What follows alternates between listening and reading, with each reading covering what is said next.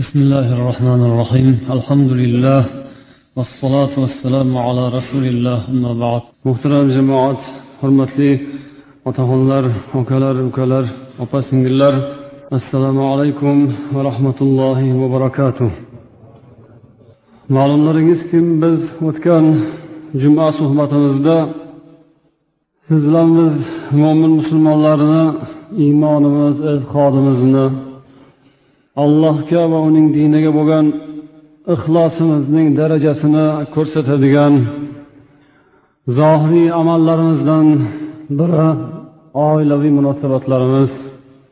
Kuyov kelinlaru er xotinlar qaynota qaynonayu kelinlar o'rtalaridagi munosabatlar haqida to'xtab o'tgan edik va yana ozgina bu mavzudan qolgani bor edi.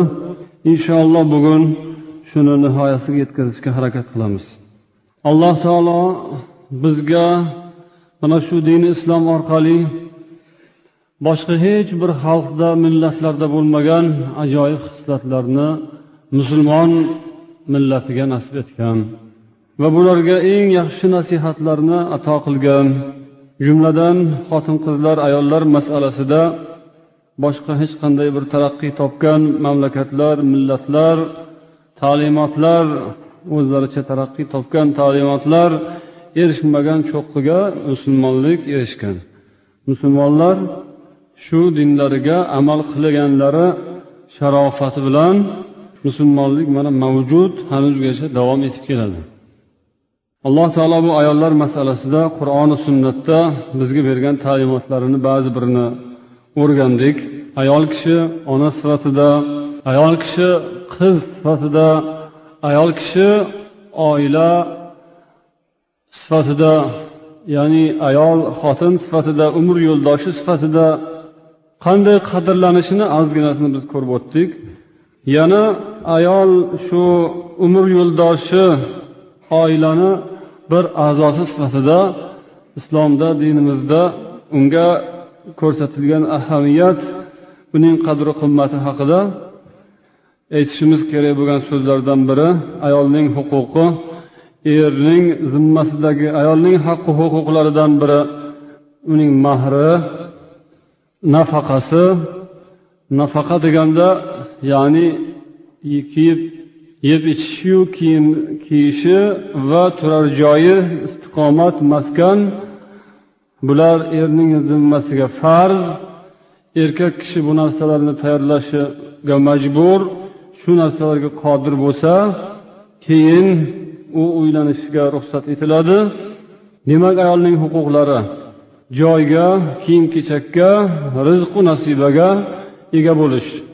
Bu moddiy huquqlari yana ma'naviy huquqlari davom etadi. Ayol turmush qurayotgan mahalda qiz bo'lsin yoki oila qurib chiqqan bo'lsin ixtiyor beriladi umr yo'ldoshini tanlash oila tanlashda ixtiyor ayol kishida din islom buni taqrir etadi. Buni tan olinadi bunga rioya qilish kerak bo'ladi. Islomni yomonlab lokin qizlarini moli ko'pga puli ko'pga moshinasi yaxshiga uchastkasi yaxshiga oyligi maoshi daromadi. Yaxshi oqib keladiganga halol haromga qaramasdan yaxshi daromad qiladiganga qizini berib yuborish bu mol sifatida sotib olishga o'xshaydi. Bu musulmonlikka to'g'ri kelmaydi. Qiz o'sha turmushga uzatilayotgan ayol yoki qiz ixtiyori rioya qilinishi hurmat qilinishi shart farz. Undan tashqari erning zimmasida ayolning huquqlaridan biri uni dinini e'tiqodini ta'lim tarbiyasini ayolning ta'lim tarbiyasini erkak o'zini bo'yniga olishi kerak.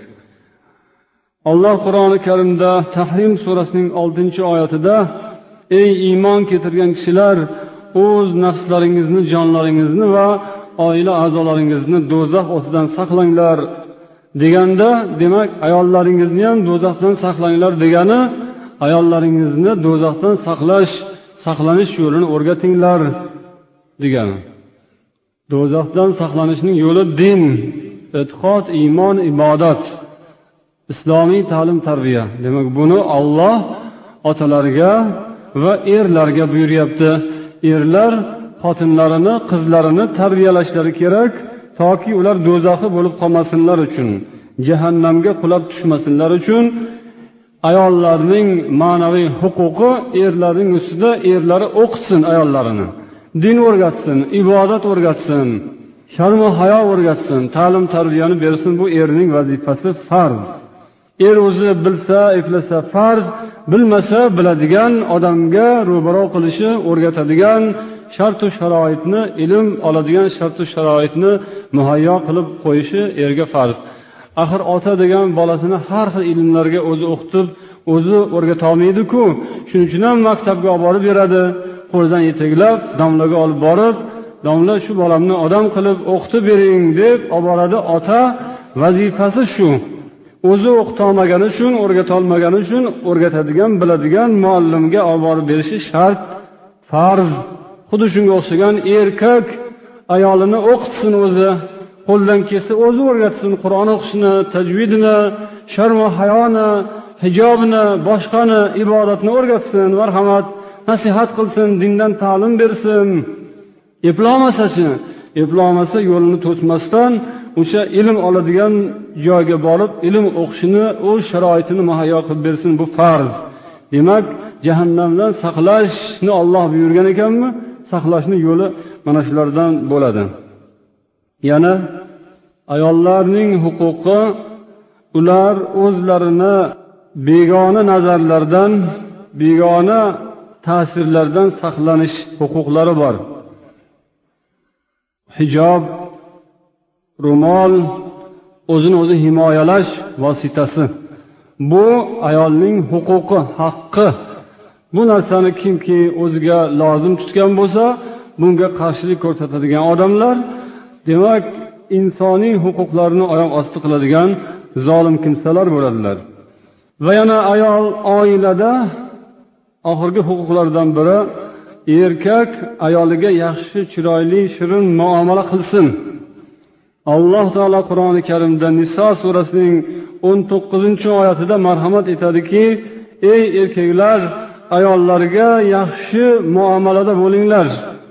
Agar sizlar ulardan ba'zi bir o'zinglarni ko'nglaringizga yoqmaydigan narsani ko'rsangiz unda shoyatki shuning keyinidan olloh bir yaxshilikni ham yaqinda nasib etsa ehtimol sizlar alloh taolo o'shandan keyin ko'p yaxshiliklarni nasib etadigan narsani yomon ko'rayotgandirsizlar shoshilmanglar.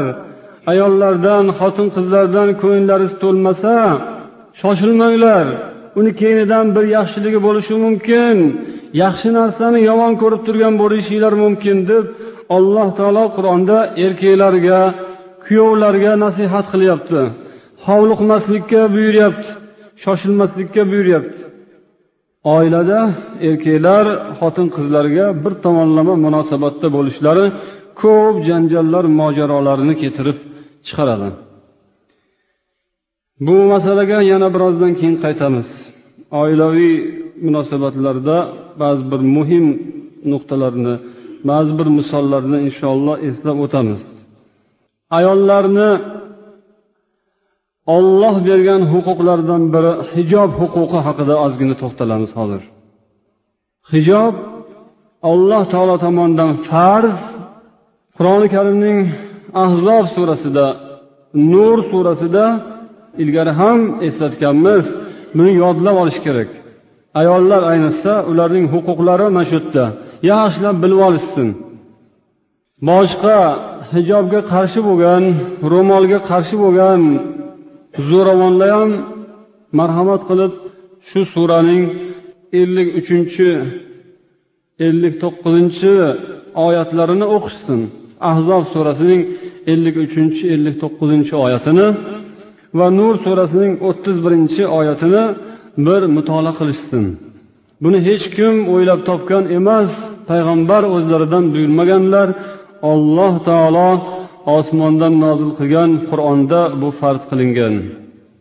Ahzob surasi ellik to'qqizinchi oyat. Alloh aytadiki ey payg'ambar xotinlaringizga ayting qizlaringizga musulmonlarning xotinlariga aytingki ular o'zlarini jilboblarini yopinib yursinlar yopinchiqlarini yopinib yursinlar. Mayli uni ro'mol deysizlarmi boshqami? Yopinib o'ranib yursinlar. Olloh qur'oni karimda farz qilyapti. Yana ellik uchinchi oyatda agar sizlar ulardan biror bir narsani so'rasangizlar hijob orqasidan so'ranglar. Buni ba'zilar payg'ambarning ayollariga xos deyishadi. Lokin birinchi oyat hammaga ochiqdan ochiq aytilyapti. Payg'ambarga o'zingizni xotiningizga ham ayting qizlaringizga ham ayting musulmonlarning mo'minlarning xotinlariga aytib qo'ying o'ransinlar deyapti. Nur surasining o'ttiz birinchi oyatida ayting mo'min musulmon ayollar ro'mollarini ko'kraklariga bo'yinlariga o'rab yursinlar. Ilgari ro'molni boshiga tashlab orqaga tashlab yurishar ekan mushrika arablar kofira arablar kofir xotinlar o'sha islomdan avvalda islom kelmasdan oldin ro'mollari bor ekanu lokin orqaga tashlab yurishar ekan. Alloh taolo shuni nur surasida endi o'sha ro'molni uchini orqaga tashlaganni olib bunday o'rashsin bo'yinlari bilan o'rab olishsin deb farz qildi. Bu narsa inkor etib bo'lmaydigan hujjat azizlar. Biriga yoqib birovga yoqmasa ham iloji yo'q. Bu alloh taolo tomonidan buyurilgan farz bo'lgani uchun buni ado qilinaveradi. Kimki bunga qarshi bo'lsa o'z joniga o'zi zulm qiladi. Ollohning qonuniga ollohning farziga qarshi chiqish bu baxtsizlik alomati bo'ladi xudo asrasin. Bilib bilmasdan shunday so'zni allohning farziga qarshi so'zni aytib qo'yganlar bo'lsa tavba qilsin. Bilmabmiz desa olam guliston. Olloh kechiradi. Ammo eshitgandan keyin ham davom etaversa oqibati yomon bo'ladi. Bu alloh taolo bergan huquq insoniy huquq musulmonlik huquqi. Buni oyoq osti qilmaslik kerak. Yarim yalang'ochlar mani huquqim deb o'zini har kuni ming xil rangga bo'yab tovlanib lovullab ko'chada yurgan bo'lsa unga hech narsa deyilmayotibdi. Sababki ular bir gap gapirsa ulardan mingta gap chiqadi javobiga. Mening haqqim bu deydi huquqim deydi sen menga xo'jayin emassan degan gapni ular bilishadi. Shuning uchun ularga hech narsa deyishmaydi. Huquq degani bu hammaga barobar bo'lishi kerak. Yarim yalang'och yurishga yoki o'zini yasanib tusanib bezanib yurishga haqli bo'lsayu ammo inson ayol kishi ro'mol o'rab yurishga huquqi bo'lmasa bu insofsizlik bo'ladi. Bu tomoniga ahamiyat berish kerak. Endi hijob masalasi qanaqa rangda bo'lishi kerak degan masalada ham tortishuv bor. Ba'zi birlar hijobni o'zida ro'molni o'zida urushib janjal qilishyapti. Endi ba'zi bir musulmonlar esa musulmonman deb turib bu hijobni masalasida talashadiganlar bor. Ba'zi bir kishilar ayollarni ichlaridan ilmli ayollar deb tanilgan ayollarni ichlaridan qora hijob o'rash mumkin emas qora ro'mol o'rash mumkin emas deb bunga qarshilik bildirayotganlarni eshitib turibmiz. Biz ularga aytamizki talashmanglar qora bo'lsin oq bo'lsin ko'k bo'lsin deb shart qilinmagan. Nima uchun hop qora bo'lishi mumkin emas deyayotganda o'ylamaysizlar oq bo'lsin deb birov shart qilganmi hop hijob oq bo'lsin yoki ko'k bo'lsin deb kim shart qilgan? Nega sizlar oq bo'lsin yoki ko'k bo'lsin deb shuni shart qilyapsizlar? Qora bo'lsin deb shart qilish yo'q bo'lgandek oq bo'lsin deb shart qilish ham yo'q. Bu inson o'sha ayolni o'zini ixtiyori. Xohlasin oq ro'mol o'raydi xohlasin qora ro'mol o'raydi xohlasin ko'k ro'mol o'raydi bu uni ixtiyori buni talashmaslik kerak. Ko'p ayollar shu ilmli ayollarni o'rtalarida ham ozgina qur'ondan sunnatdan boxabar ayollar har xil gaplarni o'ylamasdan gapirayotganlarini eshityapmiz lentalardan shuning uchun so'zni aytishdan oldin yaxshilab murojaat qilish kerak kitoblarga hujjatga asoslanib gapirish kerak. O'zini fikrini qo'shib yubormaslik kerak. Hadisga qanday sharh berilgan bo'lsa oyatga qaysi tafsirda qanaqa sharh berilgan bo'lsa marhamat qilib shuni o'zini gapirsa ham ancha gap bor. O'zini fikrini gapirib qo'shib voy hozir bo'lmaydida bolalar qo'rqib ketyapti buni ko'rganlar hozir. Qorani ko'rsa yuragi vahma bo'lib qolyotibdi degan gaplar bu hujjat bo'lmaydi. Agar bunaqa fikr tomoniga o'tib ketiladigan bo'lsa buning chegarasi bo'lmaydi. Unda har narsani tiyishga to'g'ri keladi. Bir bola maktabdan e, qochib ketibdi boshlang'ich sinf o'quvchilariga ilgari hadeb doktorlar kelib ukol qilaverib ukol qilaverib jonini bezdirib qo'yishardi. Biz o'qigan paytlarimizda. Balkim hozir ham shunaqadir. O'shanda bir bola maktabdan oq xalatlikni ko'rib qochib ketgan ekan doktor keldi deb qarasa u doktor emas bufetchini ko'rib qolgan ekan. Shunga o'xshab bolalar oq xalatlikdan ham qo'rqadi doktor deb. Endi agar qora hijob qora ro'mol o'rabdi bolamiz qo'rqib ketyapti desa unda doktorlarni ham do'konchilarni ham oq xalatlarini o'zgartirishga to'g'ri keladi. Bolalar qo'rqmasinda. Doktor deb ko'k kiysin ular ham yoki qizil kiysin deyishga to'g'ri kelib qoladi.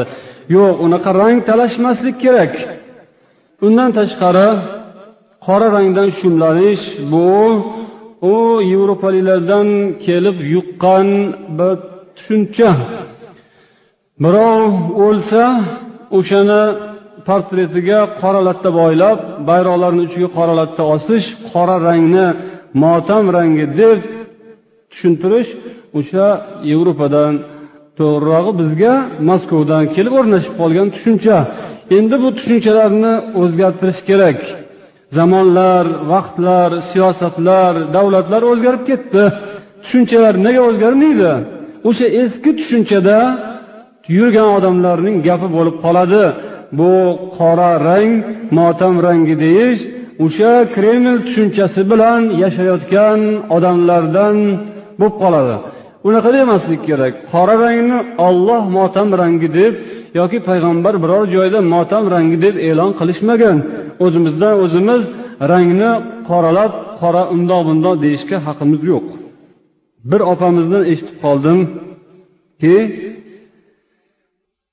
qora rang hech qayerda aytilmagan deb. Lokin biz qora rangni tashviq qilmaymiz. o'rtada bo'layotgan tortishuvlarga ozgina izoh oydinlik kiritish uchun o'sha opamizga aytamizki quloq soling. Payg'ambar alayhissalomdan bir jamoa muhaddislar jumladan abdurrazzoq muhaddislardan rivoyat qiladilar. U kishi ummi salama onamizdan. Ummi salama onamiz aytadilar lamma nazalat hadhihi ayatu yudnina alayhinna min jalabibihinna خرج نساء الأنصار كأن على رؤوسهن الغربان من أكسية يلبسنها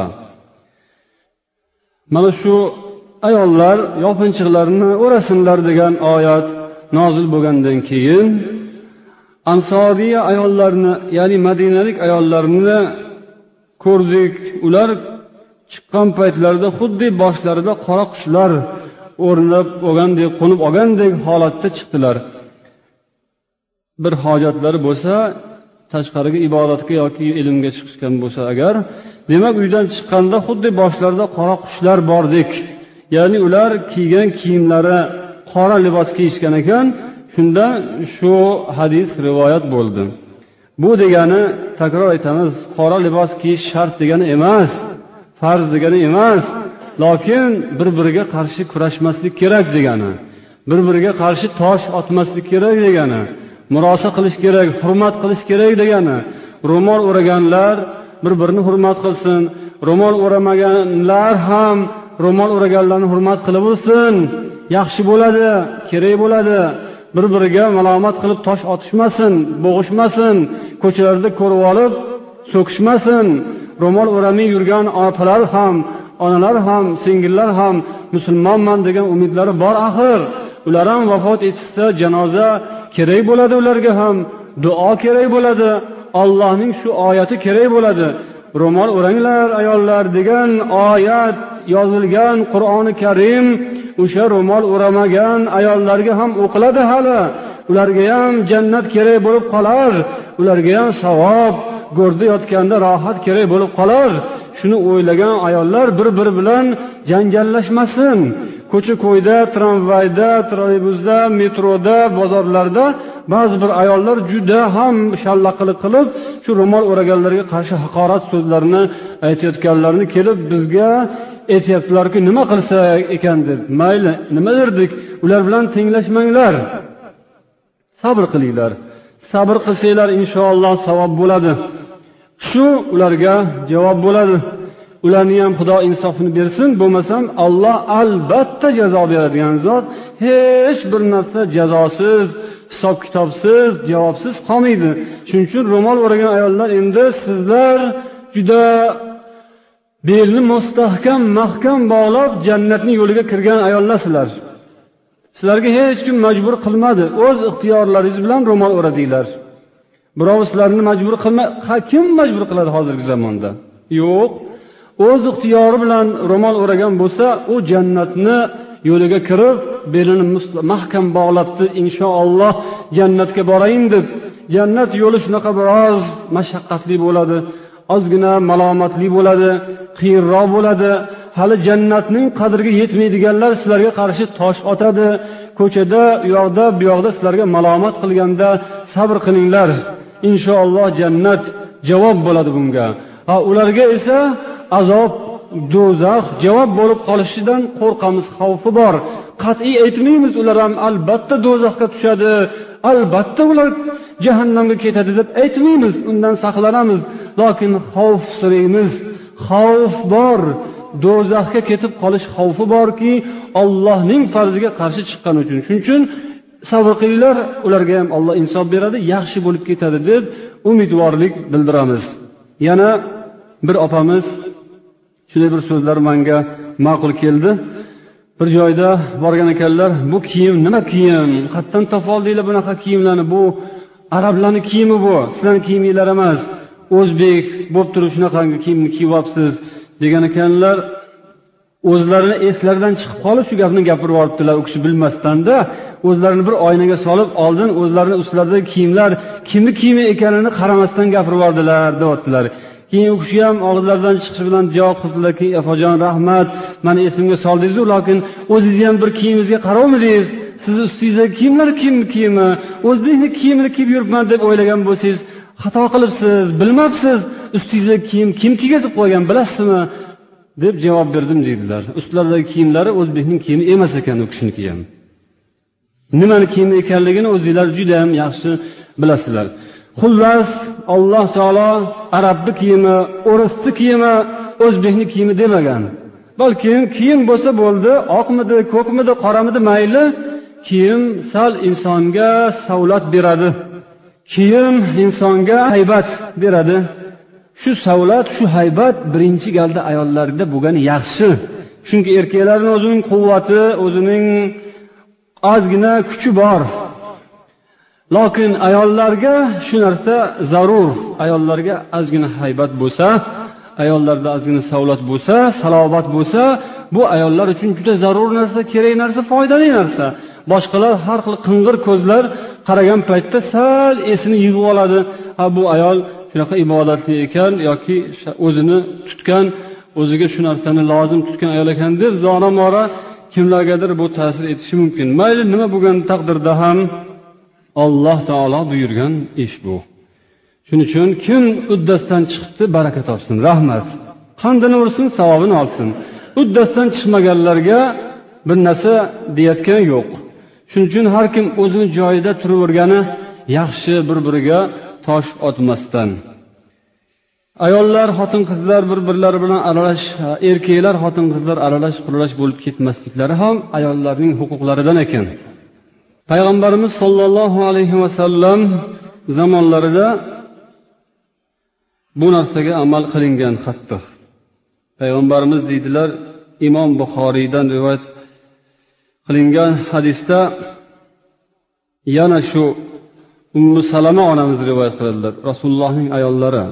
ummu salama onamiz كان رسول الله صلى الله عليه وسلم يمكث في مكانه يسيرا فنرى والله أعلم أن مكثه لكي ينصرف النساء قبل أن يدركهن الرجال payg'ambarimiz alayhissalom masjidda namoz o'qib bo'lganlaridan keyin biroz muddat o'sha yerda o'tirgan joylarida o'tirib qolardilar o'rinlaridan turmasdan shunda bu kishini namozdan keyinoq o'rinlaridan turib ketmasliklariga sabab ayollar o'rinlaridan turib ular chiqib ketib olsinlar ular boradigan joylariga yetib olsinlar deb rasulullohdek zot ayollarini hurmat qilib o'rinlarida o'tirar ekanlar namozdan keyin darrov chiqib ketmas ekanlar.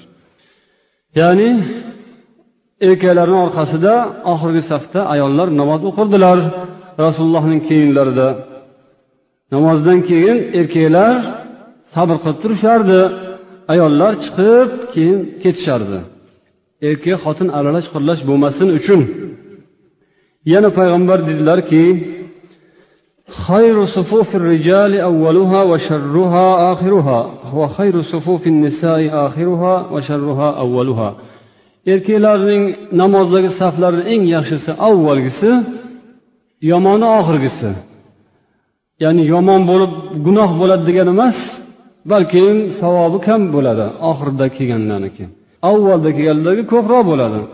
Ayollarniki aksincha birinchisi oldingi safi yomoni oxirgisi esa yaxshisi. Ya'ni avvalgisi erkaklarga yaqinroq bo'lgani uchun uncha fazilatli emas. Oxiri erkaklardan uzoq bo'lgani uchun u yaxshisi. Ya'ni koni bu yerda erkaklardan uzoqroqda yursin ayollar. Ko'zi ko'zga bir biriga tushmasin va aralash quralash bo'lmasin. Payg'ambar alayhissalomdan yana abu dovud rivoyatlaridagi hadis. Bu hadisni ibn umar abdulloh ibn umar rivoyat qiladilarki payg'ambar alayhissalom bir kun dedilar mana shu eshikni ayollar uchun qoldirsak bo'lar ekan degan ekanlar. Ya'ni masjidga kirib chiqadigan eshiklardan birini ko'rsatib rasululloh ayollarga ajratib qo'yilsa yaxshi bo'lar ekan degdilar abdulloh ibn umar o'lgunlaricha o'sha eshikka qadam bosmadilar. Shu yerdan kirmanglar demadilar payg'ambar shu yerdan yurmanglar demadilar shu eshikni ayollarga ajratib qo'ysak bo'lar ekan degan bir og'iz gaplari abdulloh ibn umarga shunaqa ta'sir qildiki rasululloh dunyodan o'tib ketdilar boshqalar o'tib ketishdi. Abdulloh ibn umar o'zlari ham o'lgunlaricha o'sha eshikka qadam bosmadilar. Mana bu dinga amal qilish bo'ladi. Rasulullohni so'zlariga quloq solish bo'ladi. Bu ayollarni hurmat qilish bo'ladi. Shuning uchun biz ham bunday narsalarga e'tibor beraylik. Ayollar har joylarda aralash quralash bo'lib yurishdan o'zlarini tiyadilar. Mo'mina ayollar muslima ayollar. Har xil aroqlar ichiladigan yigit qizlar aralash quralash bo'ladigan joylarga borishdan uyaladilar o'zlarini tiyadilar qadrlarini biladilar o'zlarini o'zlari yerga urmaydilar har xil gunoh bo'ladigan joylarga borib. Bozor o'charlarda u yoqda bu yoqda o'zlarini xor qilib yurmaydilar. Erlari marhamat qilib tirikchilikni qilsin bola chaqasini boqsin. U yoqqa bu yoqqa o'zlaridan katta qoplarni sudrab tijorat qilaman deb qiynalmaydilar. U tuyadek tuyadek ayollar fildek qoplarni sudrab yurgan bo'lsa undan ibrat olmaydilar. O'zlarini iffatlarini bilib osoyishta yuradilar. Tijorat xayr bu halol. Ayol kishi ham tijorat qilish mumkin islomda. Lokin tijorat qilaman deb o'zini o'zi juda yomon ahvolga solish mumkin emas. Endi shu masalalar davomida yana bir muhim nuqta ya'ni erkaklar bilan ayollar o'rtasida bo'ladigan munosabatlar kuyov kelinlar er xotinlar o'rtasidagi munosabatlardan biri taloq masalasi edi. Shunga ham ozgina to'xtab o'tishga to'g'ri keladi. Chunki ta'limimiz tarbiyamiz yetarli bo'lmagani aniq. Islomni endi ta'limotlaridan boxabar bo'lib kelyapmiz ko'pchiligimiz. Xato kamchiliklar bo'lishi tabiiy. O'sha xato kamchiliklarni yo'l yo'lakay tuzatib olamiz. Bu so'zimiz ham shunaqangi mazmunda. Taloq bu alloh taolo ruxsat bergan bir imkoniyat. Er xotin o'rtasidagi bo'ladigan munosabatlardan biri. Lokin mana shu taloqni payg'ambarimiz sollallohu alayhi vasallam aytgan ekanlarki halali ilallohi taloqu ya'ni halol narsalarning ichida olloh eng yomon ko'radigani taloqdir o'zi halol narsa. Ya'ni halolligi shuki zarurat kelganda shusiz ish bitmasligi mumkin. Agar shu taloq joriy qilinmaganda erga yoki xotinga zulm bo'lardi. Nikoh o'qildimi shundan endi o'lib qutulmasanglar qutulmaysizlar bir birlaringizdan deb qo'yilsa og'ir bo'lardiki yo er zolim chiqib qolsa yoki xotin bir qaysar batarin zolima xotin chiqib qolsa unda yo erga ziyon yo xotinga ziyon bo'lib umr hammasi bir qorong'u zulmatda azobi uqubatda o'tishga to'g'ri kelardi. Ana shu narsa bo'lmasin uchun oxirida zulmdan bir birini qutqarish uchun taloq joriy qilingan. Lokin bu taloq o'yinchoq emas.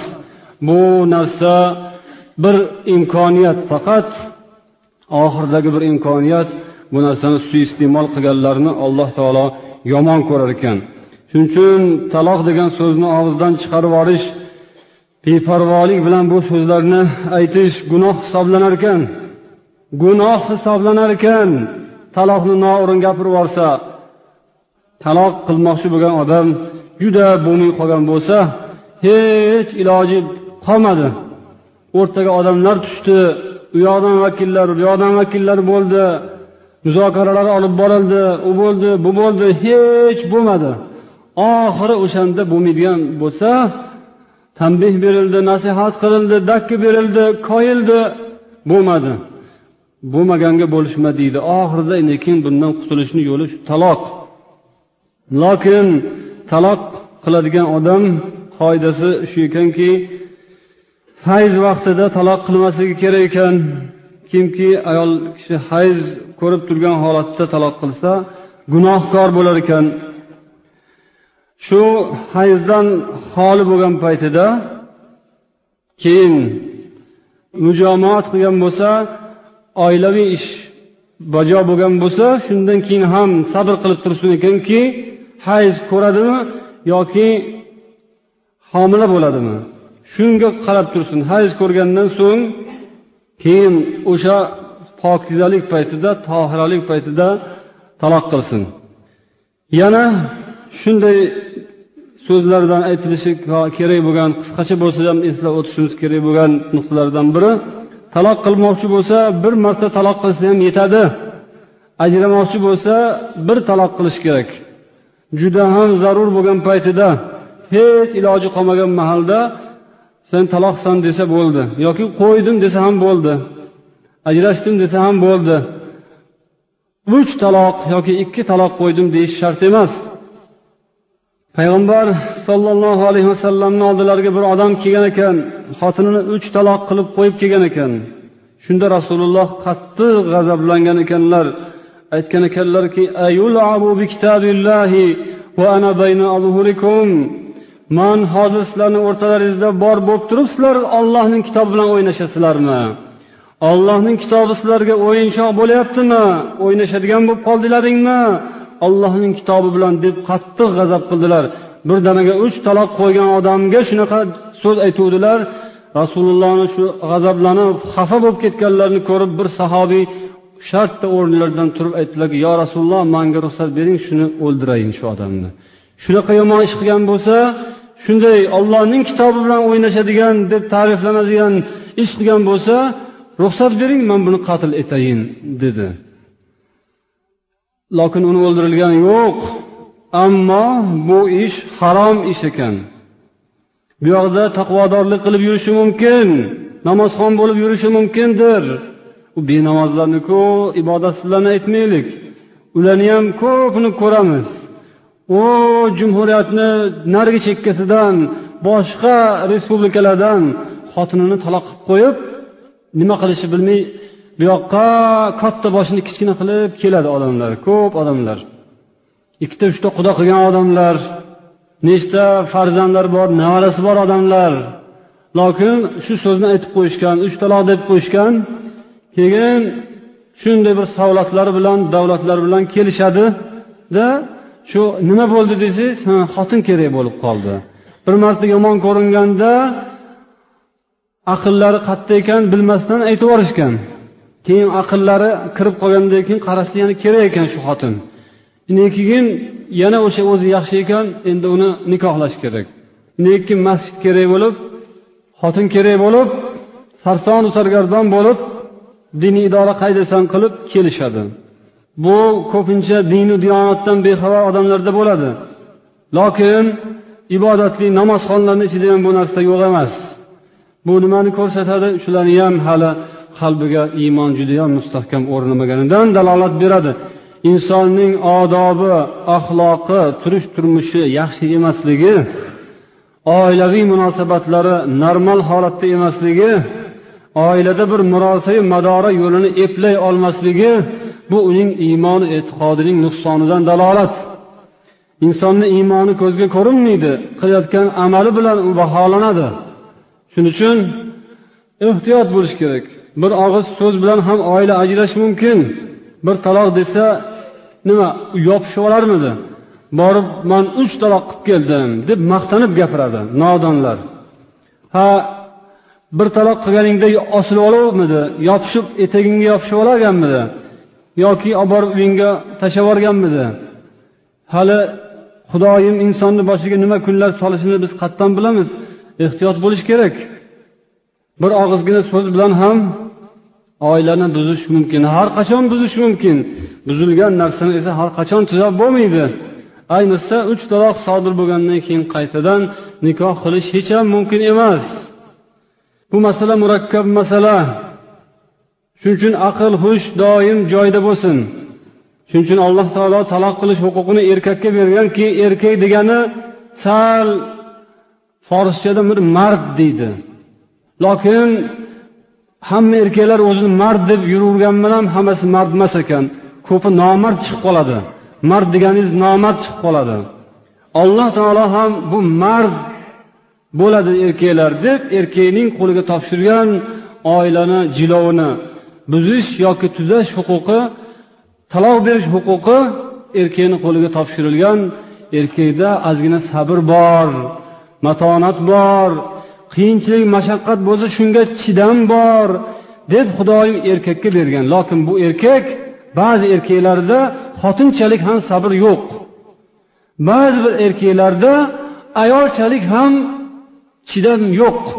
Ayollar chidagan ayollar chidayotgan mashaqqatga chidamaydigan nomi erkak bo'lib yurgan nomard erkaklar ham bo'ladi.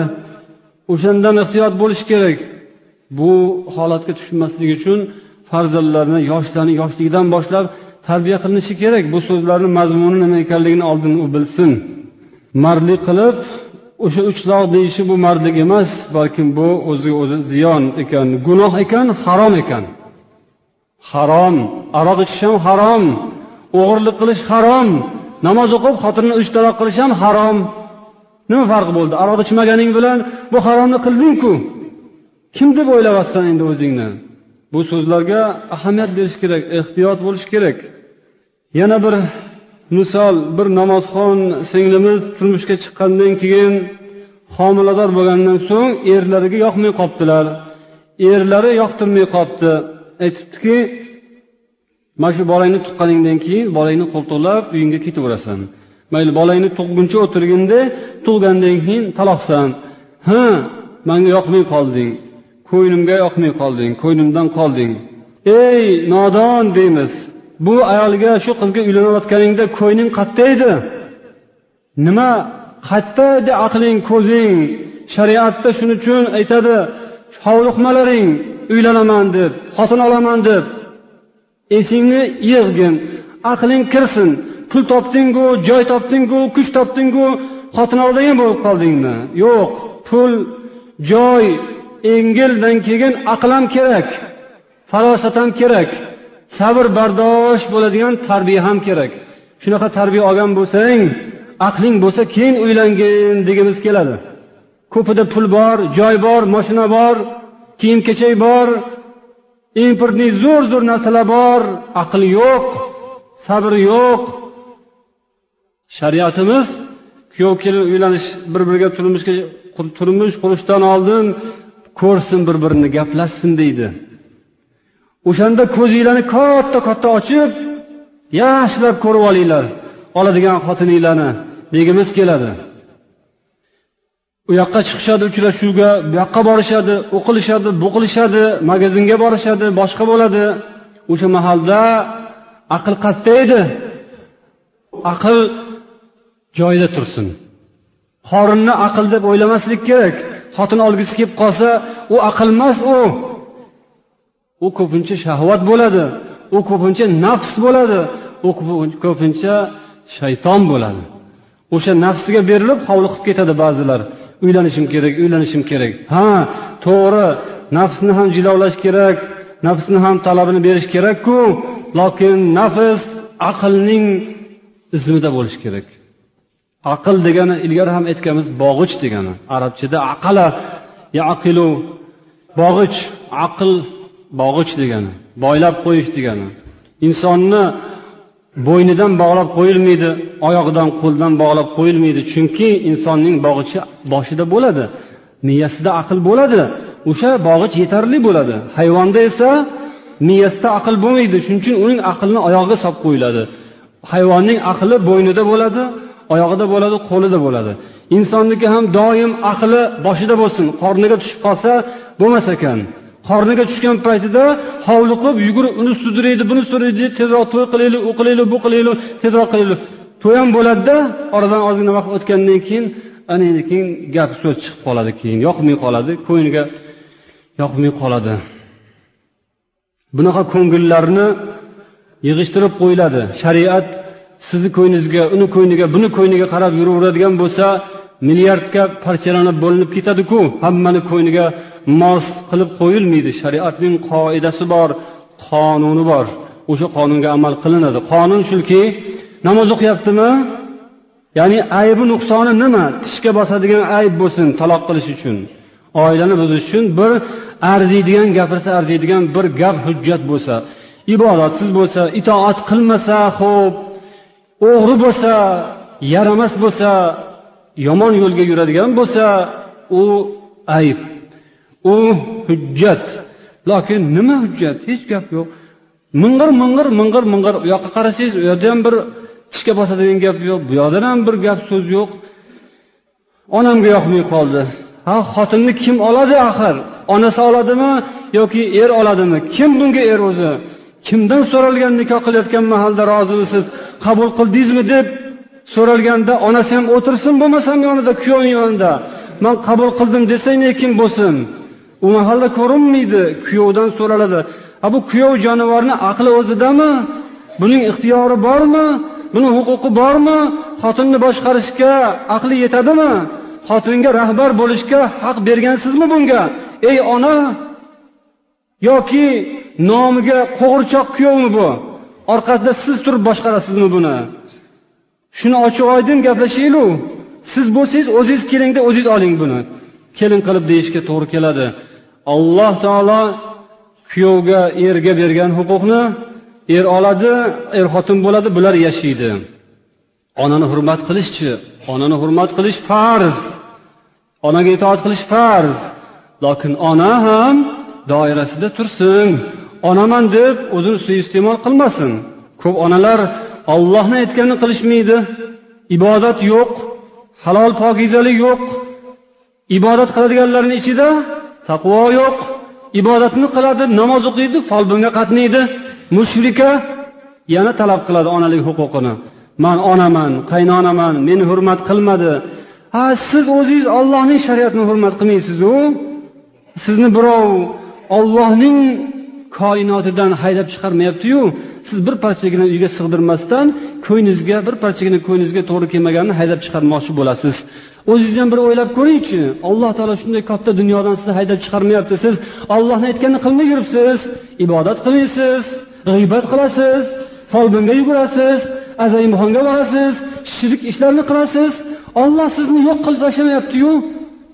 Olloh sizga arqonni o'zini tashlab qo'yibdi. Siz ham o'zingizga qarang bir ibrat oling deyishga to'g'ri keladi. Ota onani hurmat qilish farz. Ota ona ham o'zini haddida turishi farz. Kelinlar kuyovlar ota onasini hurmat qilsin itoat qilsin. Lokin bu hurmat suiiste'mol bo'lmasin hammasi o'z joyida bo'lsin. Ollohni huzuriga borganimizda yakkama yakka javob beramiz. Voy mani onam qaynonam shunaqa degdi desa bo'pti siz o'tiravering deb. Mani onam shunaqa kelinga qattiq zulm qilishga majbur qildi desa siz ozodsizsiz demaydi alloh taolo aqlingiz bor edi o'zizga ham shuning uchun onangizni ham jazolaymiz o'zingizni ham jazolaymiz deb ikkovini ham do'zaxga tashlashi mumkin سبحانك اللهم وبحمدك أشهد أن لا إله إلا أنت أستغفرك وأتوب إليك اللهم صل على محمد وعلى آله وأصحابه أجمعين وآخر دعوانا أن الحمد لله رب العالمين برحمتك يا أرحم الراحمين